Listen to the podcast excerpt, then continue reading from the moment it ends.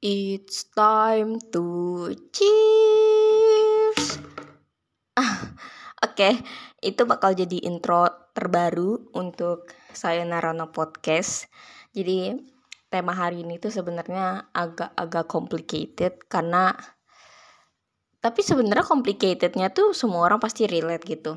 Karena uh, eh, gue bakal mengusung tema kesedihan karena um, apa ya nggak banyak sih hal-hal yang bisa kita ceritakan ke orang-orang ketika kita lagi sedih.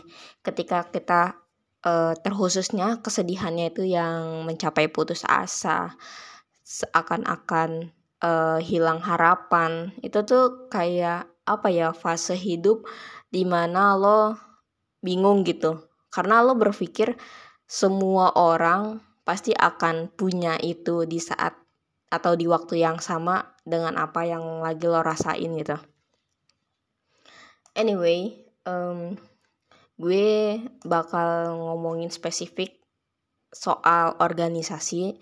Uh, ini disclaimer mungkin untuk teman-teman yang ini gue nggak tahu ya kalian bakal uh, mengenali ini suara gue atau bukan. Tapi kalau misalkan kalian mengenali suara gue dan merasa gue menceritakan kalian itu it's totally not about you guys tapi ini gue kayak menceritakan uh, bagaimana posisi gue ketika gue berorganisasi dan gue akan mengcompare atau bukan compare sih lebih ke gue memposisikan diri gue di organisasi tapi uh, posisinya tuh bukan di organisasi yang gue uh, udah jalanin gitu tapi di organisasi yang lain gitu.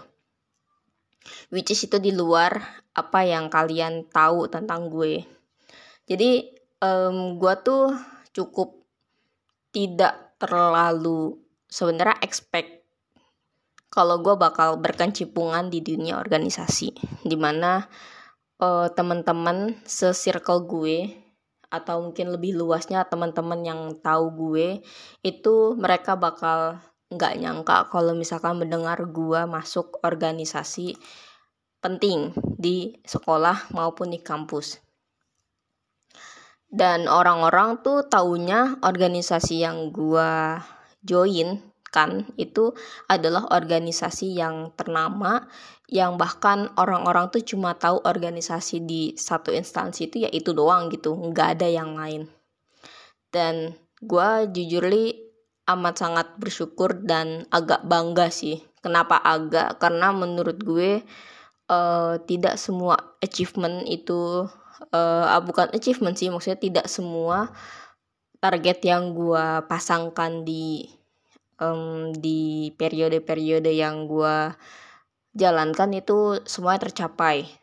Pun kalau ada yang tercapai itu bukan apa ya bukan suatu achievement yang menurut gue uh, membanggakan. Karena ya mungkin ekspektasi gue yang terlalu tinggi dan uh, tidak apa ya uh, lingkungannya tidak menjuruskan gue atau tidak uh, memberikan benefit terhadap apa yang mau gue kejar gitu. Jadi kehalang dengan keadaan yang tidak seharusnya gue pikirkan tapi ternyata itu um, membuat apa ya membuat target gue tuh harus menjadi nomor sekian tapi alhamdulillah kecapai walaupun mungkin gak 100% dan gue gak terlalu um, menganggap itu sebagai achievement but ya namanya keberhasilan namanya hidup ya kita pengen dong ada sesuatu hal yang dinilai berhasil. Cuma ya gitu balik lagi. Menurut gue itu not uh, totally achievement but gue rasa itu bisa dibilang sebagai sebuah achievement se dari target yang gue mau gitu. Oke okay, anyway uh, kesedihan itu general banget.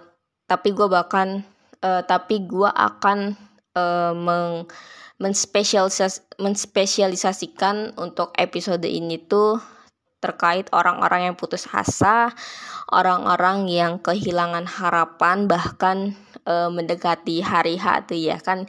Kita sebagai orang organisasi tuh kayak um, familiar banget lah sama kata-kata mendekati hari H, mendekati hari H dan mendekati hari H. Jadi ya pada umumnya untuk teman-teman yang dengerin ini juga pasti relate banget kalau misalkan uh, anak-anak organisasi itu pasti bakal keliengan lah ibaratnya istilahnya tuh kayak keliengan di uh, di hari-hari mendekati hari H dan pasti bakal nangikin sekuat-kuatnya kalian di organisasi kalian pasti pernah banget nangis kejer nangis gak karuan kayak aduh aduh ini kapan selesainya sih?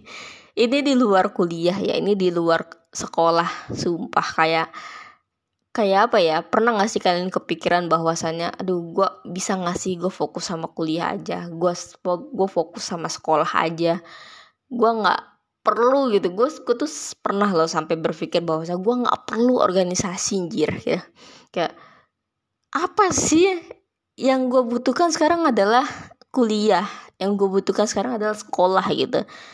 Gak usah lah nambah-nambah beban gue karena menurut gue uh, apa ya apa yang gue pelajari sekarang apa yang gue sekolah apa apa yang gue kuliahkan sekarang tuh udah berat banget gitu. Ditambah organisasi yang bener-bener menurut gue Waduh itu nyita waktu banget, nyita tenaga banget, bahkan pikiran emosi sekalipun sampai batin pun itu ikut-ikutan.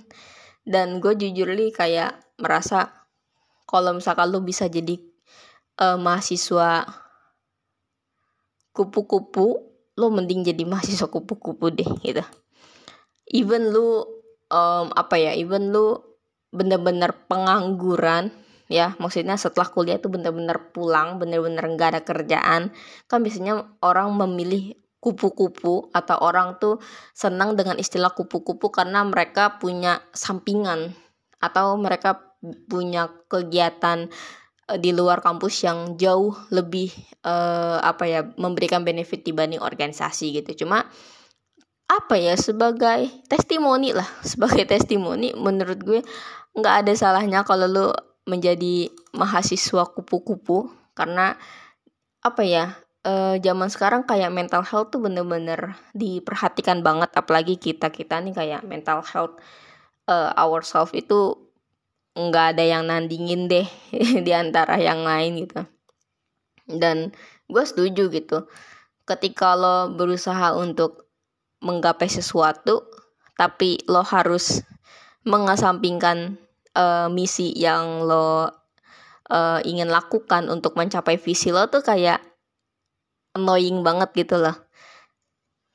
Apalagi untuk lo yang orangnya nggak enakan dan lo disandingkan dengan orang yang nggak tahu diri itu kayak susah aja gitu. Ingin rasanya tuh menghilang dari dunia yang ada dianya gitu. Tapi ini gue nggak mau ngomongin orang gue cuma gue bukan cuma gue uh, ingin uh, mem, apa ya mempresentasikan up kesedihan ini ketika gue berada di sebuah event yang mana itu tuh benar-benar event besar ibarat pensi ibarat konser itu kan harus banget kita preparekan minimal setahun yang lalu. Kalau bisa sih kalau bisa setahun yang lalu tapi maksimal banget loh harus benar-benar uh, prepare yang singkat itu ya 6 bulan atau 8 bulan sebelum hari H gitu.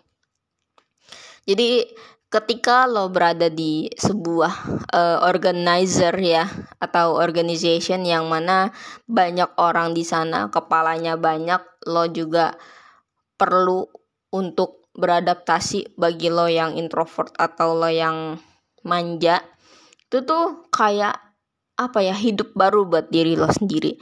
Ibarat ini dunia baru nih. Selama ini gue diem diem aja selama ini gue hanya berkutat pada ya udah let it flow aja. Gue ngelakuin ini hasilnya begini ya udah. Gue gua nggak ngelakuin ini tapi dunia bakal berubah seperti apa ya udah gitu. Dan itu terjadi di gue gitu. Tapi gue suka oke di awal gue bilang kayak gue agak-agak apa ya gue agak-agak kurang ya dengan dunia organisasi tapi gue suka gitu. Ada satu momen di mana uh, perasaan suka itu muncul pada saat ketika putus asa nggak ada harapan tuh muncul. Aneh gak aneh banget sih. Kalau lo pada bilang gue nggak aneh atau kalian ngangguk oh ya bener juga. Kalian totally aneh orangnya. Karena jujur gue juga pertama kali uh, ngerasa nih kayak kok begini sih anjir? Harusnya kan lo konsisten gitu kan ya? Ya lo nggak suka ya nggak suka. Nggak usah jadi kayak kok lo jadi suka gini? gitu. Nah kenapa gue merasa ada titik atau ada momen di mana gue suka berorganisasi itu adalah ketika putus asa dan tidak ada harapan di saat kita sudah benar-benar memaksimalkan apa yang kita punya, kita sudah memaksimalkan doa yang kita panjatkan dan ya segala aspek lah, segala aspek yang bisa kita usahakan tuh udah kita kerahkan semua tapi ternyata di hampir hari-hari ya hari ha, hari ha, hamin dua atau hamin satu tuh gagal kayak berantakan. Mungkin mungkin not totally it's a break but I think this one kayak poin penting yang seharusnya itu udah dipersiapkan matang-matang tetapi ada yang kurang gitu. Terus akhirnya kita kayak ribut ya. Kita ribut kita debat kita adu emosi terus saling nyalah nyalahin dan apa ya dan nggak saling tuduh-tuduhan sih tapi saling membanding-bandingkan effort selama proses itu tuh kayak sesuatu hal yang penuh emosional. Kalau gue ada di posisi itu gue pasti bakal kesel banget gue pasti bakal ada rasa ingin banting bangku lempar mikrofon ke sembarang arah. Itu ada cuma ketika itu terjadi terus hari H terus after hari H itu lepas. Kayak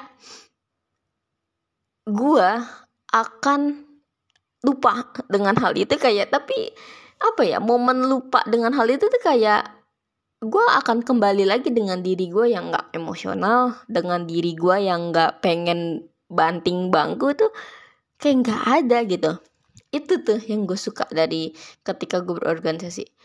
Apa ya kalau dipikir-pikir negatif poinnya mungkin orang-orang akan berpikir bahwasannya itu bisa jadi uh, sebagai sumber gua anaknya emosian. It's right. Gua nggak menyalahkan hal itu karena apa ya uh, gue percaya ketika orang um, apa ya merubah pola pikir bukan pola pikir sih merubah sikap lah merubah sikap dia yang disertai dengan emosi itu pasti akan terjadi ketika um, apa ya ketika dia men berusaha mencoba. Dari segi pikiran dia berusaha berpikir kalau misalkan gue banting bangku gimana ya? Kalau misalkan gue lempar mikrofon yang kena siapa ya itu pasti bakal kejadian. Dan gue nggak menyalahkan atau gue nggak apa ya gue nggak menolak uh, pandangan seperti itu. Cuma yang gue rasakan adalah gue nggak peduli gitu. Gue nggak peduli keadaan yang seperti itu ketika udah selesai. Kayak gampang banget ya temenan sama gue kayak oke okay, ada orang yang ngeselin sama gue terus gue tahan gue sabar terus selesai acara udah kita baikan kayak guanya merasa ini udah clear, ini udah selesai, udah nggak perlu dibahas emosi lagi, tapi yang satunya nggak tahu diri. Kayak perpaduan yang pas gitu, perpaduan pertemanan yang uh, tidak mutualisme yang bener-bener real gitu. Dan gue merasa itu tuh ya emang terjadi dan jangan sampai harusnya harus ya kalau misalkan lo dengerin ini dan lo baru aja di organisasi atau di volunteer mana pun um, jangan sampai gitu karena lo akan bertemu dengan orang-orang seperti itu. Mungkin orang-orang seperti gue atau orang-orang seperti orang yang uh, apa namanya yang gue contohkan di tadi gue ceritakan itu pasti akan ada.